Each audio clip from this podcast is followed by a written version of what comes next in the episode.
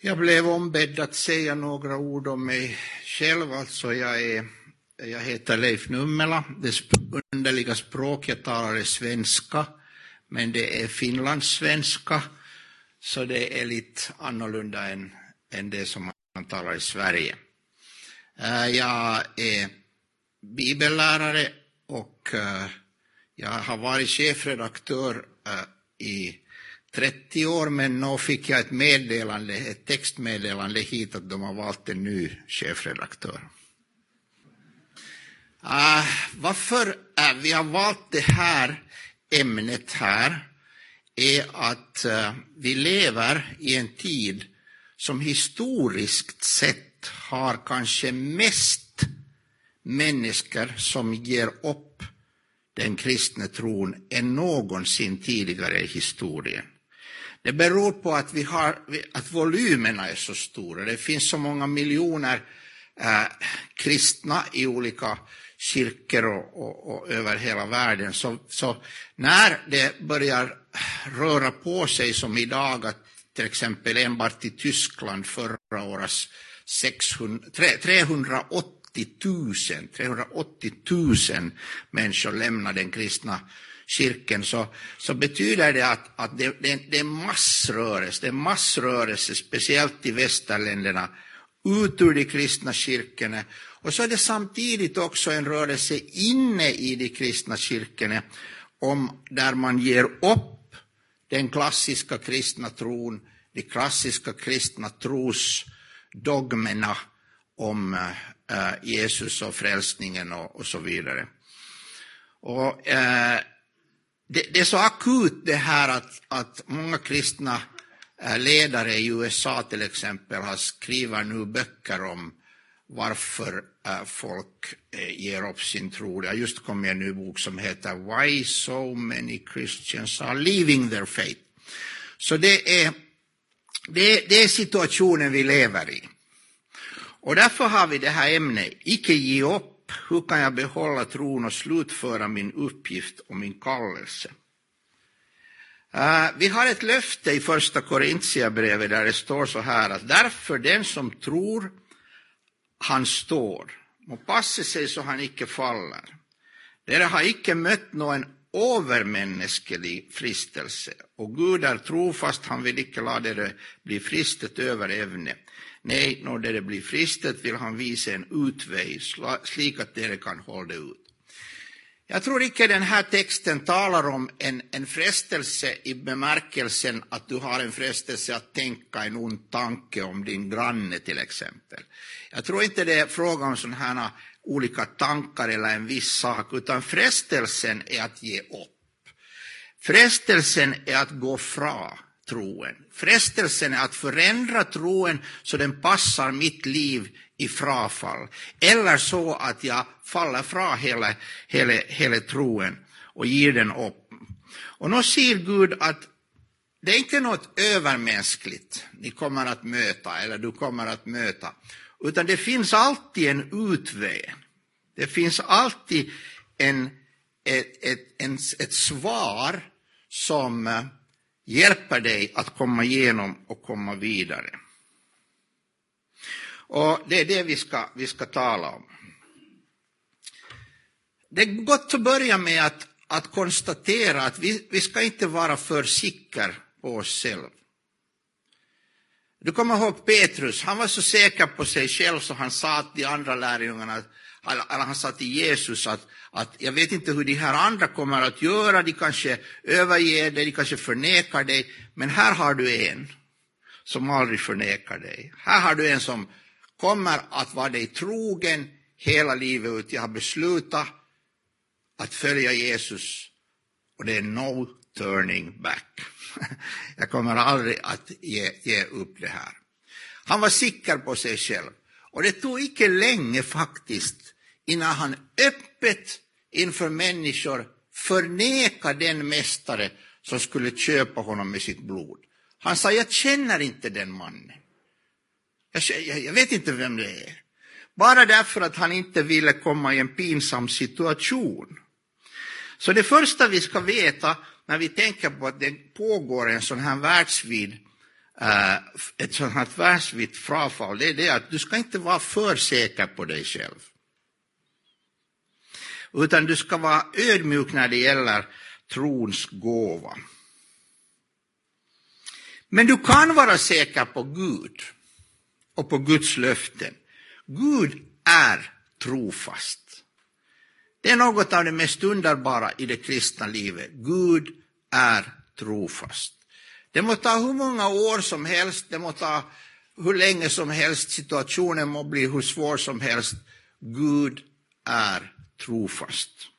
Han förändras inte. Han ger aldrig upp sina löften. Om han lovar någonting så är det så som han har lovat och han håller sitt löfte. Det finns en engelsk sång där man sjunger om good old times, goda gamla tider, så säger, och så där en strof som säger att det var tider då, då man kunde lita på att när en människa gav ett löfte så höll hon det. Så höll hon det. Jag vet inte om det har funnits någonsin en sån tid, att du kunde lita på alla människor. Men Gud har man alltid kunnat lita på. Han är trofast. Han har hållit alla sina löften och när det såg ut att han inte skulle hålla det så dog han hellre på ett kors än gav upp sina löften. Han dog hellre på ett kors. Så vi vet att han håller sina löften. Gud är trofast, han vill inte låta er frestas över ävne. När det blir frestet så visar han en utväg. Gud har en utväg, han har berett dig hjälp. Och det sätt han bereder hjälp, han har, det finns något som kallas för nådemedel. Nådemedel. Några, några, han har medel som han använder i ditt liv för att ge dig hjälp. Det första är Guds ord. Guds ord.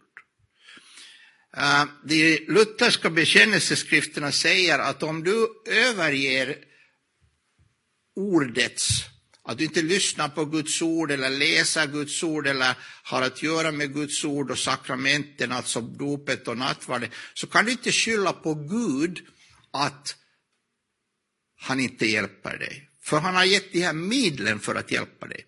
Det är som om man går till en läkare och så säger man, och så säger han, ja, ja, du har en svår situation, men jag har, jag har ett gott, vi har ett god ny medicin för det här. Och du ska ta det här tre gånger varje dag. Och så kommer du två månader senare så är din situation ännu värre. Och så säger han, men vad, har, har, du tagit medicin? Nej, jag har inte tagit medicinen. Ja, men då kan du inte beskylla honom. Han gav dig medicinen, du skulle ta den om du inte tar den så får du inte hjälp. Alltså vi kan inte överge Guds ord och tänka oss att Gud tar hand om mig. Vi kan inte se ner på nattvard, församlingsgemenskap och andra saker, eh, för det är det också som finns här. Så vi kan inte se ner på det och förakta det och tänka att Gud tar hand om mig. Det går inte att liksom eh, överge ordet, överge brödragemenskapen och sedan tänka att allt är väl med min själ. Det är inte allt fel med min själ. Jag behöver andra bröder och systrar. Jag behöver Guds ord. Det, det, det luriga med det här är det att, att frafallet kommer aldrig med en anmälan. Idag ska du frafalla. Idag ska du ge upp den kristna tron. Den här veckan är en avgörande vecka i ditt liv. Detta vecka ska du ge upp tro på Jesus Kristus och falla från den. Den kommer aldrig så här. Den kommer smygande. Den kommer så du inte märker det. Folk ger upp, de slutar läsa Guds ord, de slutar lyssna på Guds ord, de slutar gå till, gå till kyrkan och till kristna möten och bibelstudier. Och så tycker de allt är väl och allt kan vara väl. Då tänker jag, jag tror fortfarande på Jesus. Men så småningom kommer det saker in i livet som börjar äta på den där tron, som börjar förstöra den där tron. Och så småningom sker ett frafall som de inte ens märker. Och sen när de är så långt borta att de märker det så det är för sent, då må de vända om för att de ska kunna komma tillbaka, eller så är det kört. Och det här är väldigt viktigt att vi har de här äh, medlen. Omvändelsen, bekännelsen, syndarnas förlåtelse, Guds ord, Guds löften, de andra kristna som stöder mig och samtalar med mig och ber för mig. Jag vädjar till dig. Ge icke upp dessa medel. För hur stark du än tror att du är så klarar du det inte utan Guds hjälpmedel, utan den medicin han har föreskrivit för vårt problem som är synden och upproret mot, mot Gud. Så det här är viktigt att vi har det här med oss. Och varför är det viktigt att vi har det här? Inte därför att den kristna tron är någon slags uh, former som man man, upp, man, man gör så här, man läser en bok och så går man dit och så där. Det är inte liksom den där formen bara, utan det är fråga om sannheten. Och det är fråga om att vi behöver kanaler som binder oss till sannheten. Som binder oss till det som är sant och riktigt. Och om vi inte har de här kanalerna uppe så misstar vi sannheten. Det är ganska, det är ganska äh, ristande på ett sätt att läsa att med slags uret förförar han dem som går förtappt. Går förtappt. Varför går de förtappt? Fördi de icke ville älska sannheten. Därför sänder Gud över dem en villfarelse som gör att de tror lögnen. Slik ska de få sin dom alla de som icke trodde sannheten. Alltså om sannheten inte är älskad så går den bort. Vi förlorar den. Vi må älska sannheten. Och det här är tufft i vår tid för det finns så mycket lögn. Det finns så mycket lögn.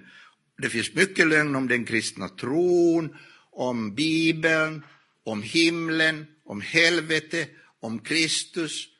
Det finns så mycket lögn att vi må älska sannheten. Den gode danske filosofen, den kristne filosofen Sören Kierkegaard, han sa att i vår tid, och det var på hans tid, är, är, är lögnerna så spridda. Sannheten är så äh, äh, ovanlig att den som, inte, den som inte intensivt älskar sannheten kan aldrig finna den. Älska sannheten intensivt. Och hur kan jag göra det? Jo, det är viktigt att jag inte avvisar Jesus när han talar till mig i sitt ord, utan att jag ser till att hans röst hörs och att jag tar emot det. Det som avviste han som talte Guds uh, gudomsord här på jorden kom inte undan, ännu mindre ska vi komma undan där som vi vänder oss bort från honom som talar från himmelen. Jag ska alltså älska sanningen. Hur kan jag göra det? Genom att behålla ett ödmjukt hjärta inför Guds ord. Så att Guds ord får tala till mig, så att jag inte eh, tänker att jag är visare och klokare och vet mer än Guds ord. Jag kommer alltid ihåg en kär professor som jag hade när jag läste teologi vid Helsingfors universitet. Och så blev vi lite oense om Bibeln eh, på en god måte. Vi var, vi, var, vi, var, vi var vänliga mot varandra, hon var vänlig mot mig och jag slapp igenom hebre, hebreiska kursen. och, och, och vi, vi, vi talade till varandra vänligt, och så, men vi blev oense om, om det, det, här. Och så sa jag till henne i en diskussion att håller du med mig om det att Jesus, Jesus han såg på Bibeln så att han trodde allt som står skrivet där faktiskt. Han, han, han trodde på floden, han trodde på Adam och Eva, han trodde på en massa saker som idag förnekas. Så sa hon ja, ja, ja, ja det, det, det, det är ju klart, alltså, i de där texterna står det så där.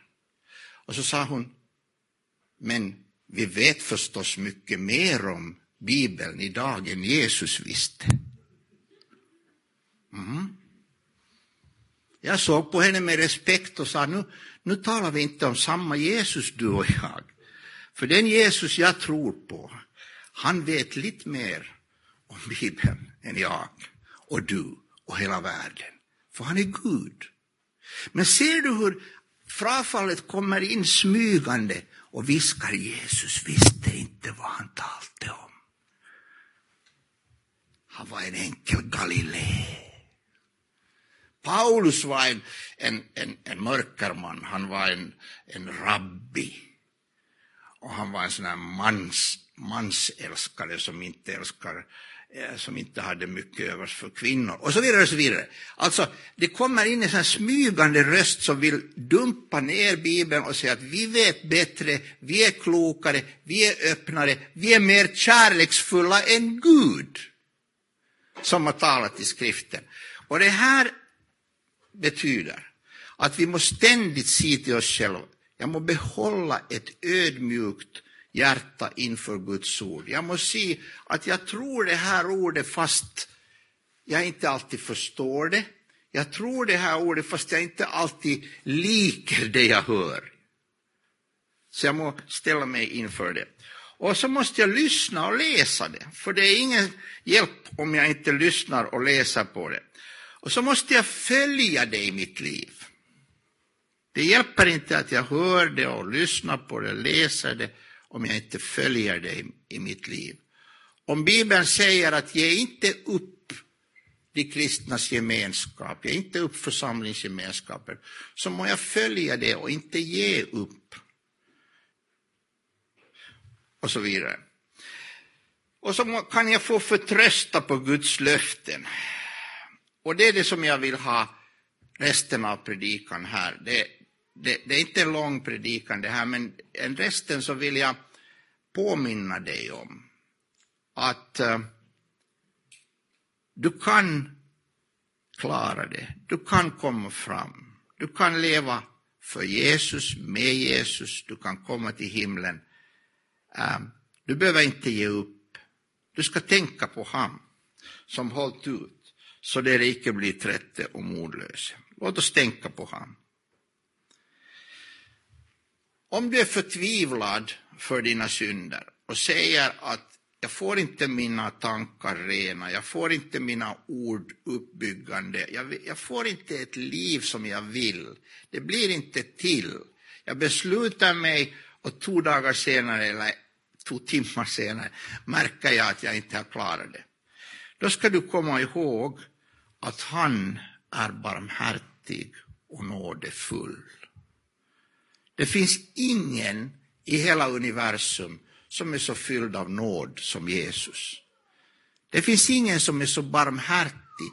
Det finns ingen som är så kärleksfull och ödmjuk och vänlig som Jesus. Det finns en enda grupp i Nya testamentet som Jesus är arg på och som Jesus är, är verkligen sträng med. Och det är de religiösa ledarna som trodde mycket om sig själv och lite om Guds son.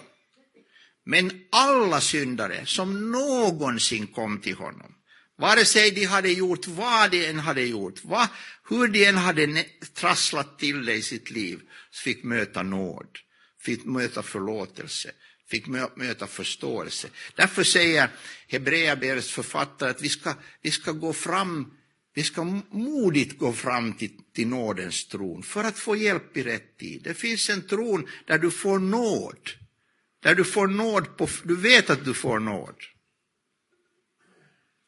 Det är underbart att få nåd av människor. Det är ännu underbarare att få nåd av Gud. Och Gud utsträcker sin nåd. Han ger aldrig upp. Han ger aldrig upp. Om du inte vet vad du ska göra eller vilken väg du ska ta, om du säger jag, jag har en svår situation, jag har ett svårt val, jag vet inte vad jag ska göra. Kom ihåg att hans namn är underfull rådgivare. Vilket namn! Underfull rådgivare. Det, det är så man skulle ha ekonomiskt. Då. Det är så man skulle ha. Men det är så vi har andligt. Vi har en andlig underfull rådgivare som kan hjälpa dig och som kan ge dig råd i den situation du är och inte vet hur du ska komma ur den. Gå med det du har till Gud. Take it to the Lord in prayer, som våra amerikanska bröder och systrar sjunger. Ta det till Gud. Berätta det för honom. Annars är det här en underlig sak. Det finns de som säger att, att ja, men, um, jag, jag, mitt problem är att jag är så vred. Jag, jag, är vred på en människa. Okej, okay, men du kan be för Nej, det kan jag inte. Varför inte? Ja men, ja, men det blir ju konstigt om jag ber att jag är så vred på honom. Nej, det är inte konstigt. Vet du vad? Han visste det redan. Han vet det redan att du är vred på din broder eller syster, vem det vara må. Han vet att du är bitter på din far eller din mor eller vem det vara må. Han, han vet det. Så det är därför salmerna är så ärliga när du läser salmerna, att man ärligt talar om för Gud vad situationen är. Du behöver inte, du behöver inte komma inför honom och, och presentera en situation som inte finns. Jag har ju arbetat en del i Ryssland och vi hade en situation där vi hade lite svårt att, att hålla oss eh, allvarliga när vi hade samlats en grupp och så var det en, en, en, en biskop där och det var en, det var en statschef där och en rysk statschef som är en ganska hög person. Det var en massa personer samlade. Och, eh, och, och så, bad vi en, så bad de en broder att han skulle be. Och så inledde han bönen så här. Herre, när vi nu kommer inför dig med ett så här värdefullt, eh, en så här värdefull grupp, en så här högstående grupp. Så det var lite svårt att för det, förstår du, Gud, för Gud är vi alla barn. För Gud är vi alla barn. Vi är små, vi är inte stora. Ingen är stor. Alla är små inför Gud. Och han är en underfull rådgivare. Men kanske du säger, jag har problem i mina förhållanden. Jag har problem med en människa eller en annan. I Finland har, har folk olika typer av problem problem med sin hustru, med sin man, med sina vänner till och med ibland. Men jag vet inte hur det är i Norge, men om det är någon som har någon problem med sina, i sina förhållanden så är Jesus fredsfurste. Han är fredsfurste. Han är superbra att hjälpa till med, med, med äh, människor äh, förhållanden som har gått i knut som inte vill öppna sig. Det kan vara små saker. Det kan vara någonting som du... äh, som bara, bara någonting lite som har gått snett, men det kan också vara någonting som har gått riktigt, riktigt svårt snett. Och vi får ständigt böne, eh, eh, folk som ber, be för det här, be för min dotter som jag inte har kontakt med längre. Be för min far som inte vill möta mig längre. Det är hjärtkärande, men Jesus är fridsfurste. Han vill komma in och hjälpa där. Han, han är beredd att hjälpa. För det är ofta så här, vad har det här att göra med att man ger upp tron? Jo, det här har väldigt mycket att göra med.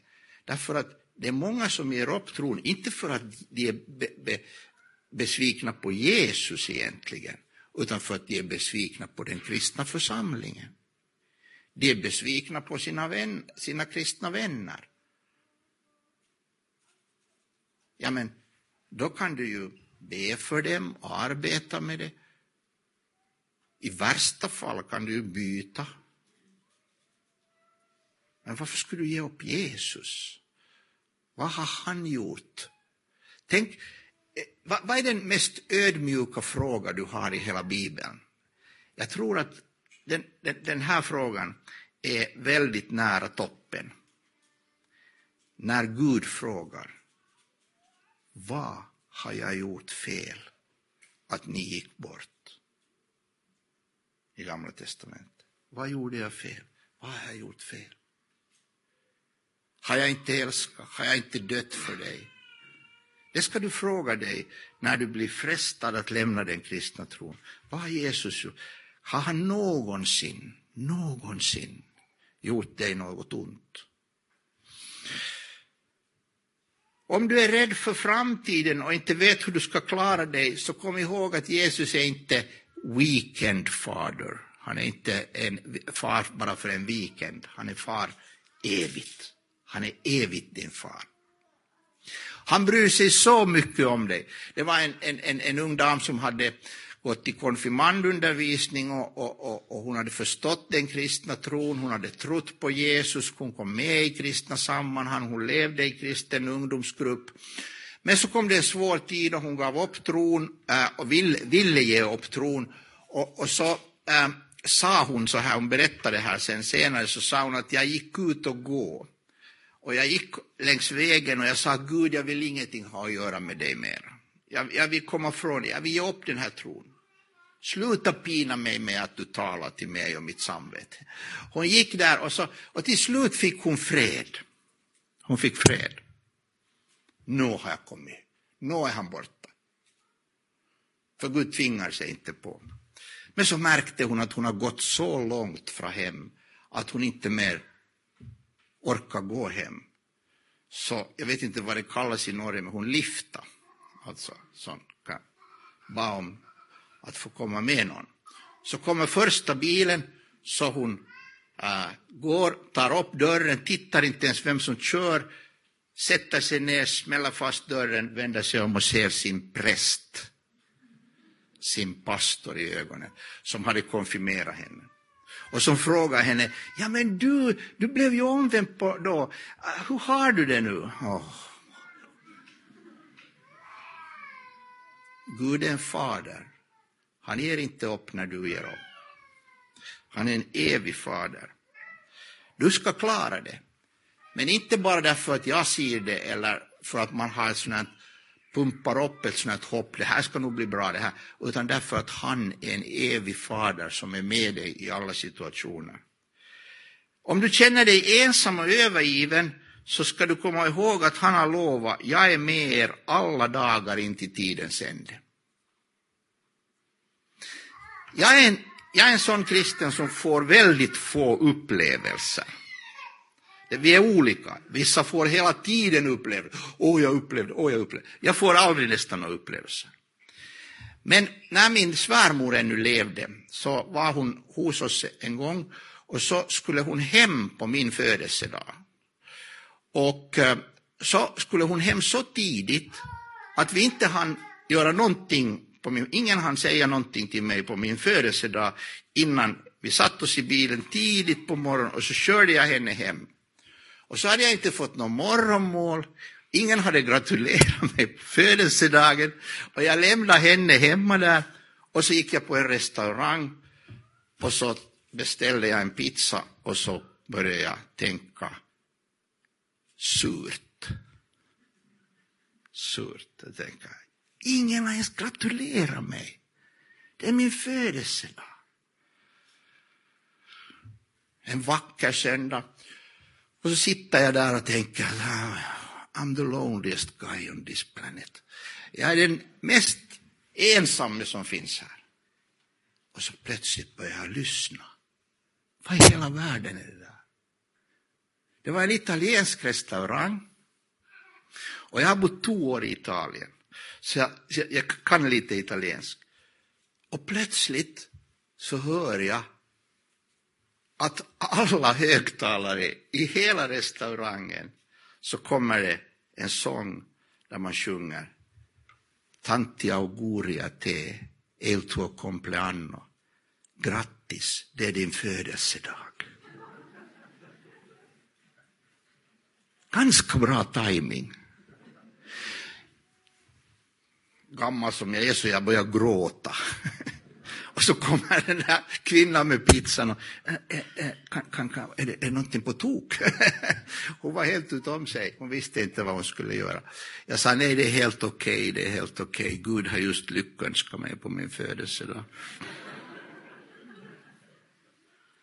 Men, men du ska veta det att han är med dig. Även om du inte får det där via loudspeakers, sådana högtalare i hela salen, så ska du veta att han är med dig. Han bryr sig om dig. Han tänker, varje hårstrå på ditt huvud är räknat. Han vet din DNA, din, dina äh, ögonen, färgen på dina ögon, han vet allt.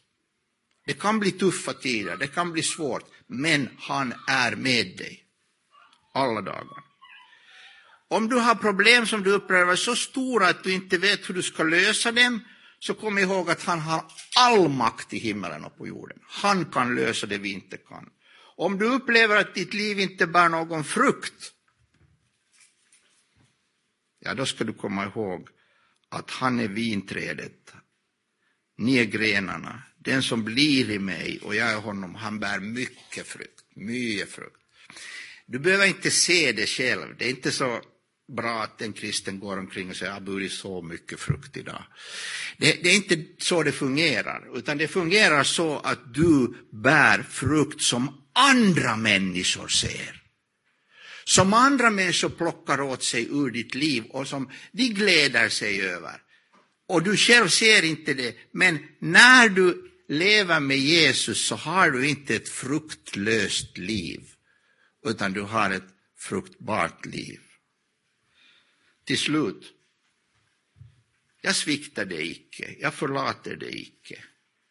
Om vi är trolösa så är han trofast, för han kan icke förneka sig själv. Jag tolkade en amerikansk man i, i Finland, i Åbo. Han var äh, missionär och de hade haft redan sex barn, men de hade tagit ett adoptivbarn, en ung äh, flicka men de hade tagit henne lite senare än vanligt och de lyckades inte med det här barnet, så det här barnet äh, lämnade hemmet, drog bort och, och började använda droger. Och så fick den här, äh, de här adoptivföräldrarna höra att den här dottern har landat i Amsterdam, i de här äh, prostituerades kvarter och hon, hon, hon, hon är där nu och, och hon tar droger och, och, och, och säljer, säljer sin kropp där. Och då upplevde den här fadern att, och den här modern att vi ska göra någonting. Så de köpte en, en, en husbil och så körde de till Amsterdam. Och så parkerade de bilen och så började de söka henne. Och det tog två veckor innan de fann henne i ett mörkt rum, liggande naken, övergivet, drogad, helt sönder. Och så tog den här, far, den här flickan och bar henne ut, körde henne till lasarettet, betalade hennes vård och när hon blev lite bättre så sa de, du är så välkommen hem. Om en människa kan göra så där, så vet du vad Gud kan göra. Han kan gå upp på ett kors och dö för dig.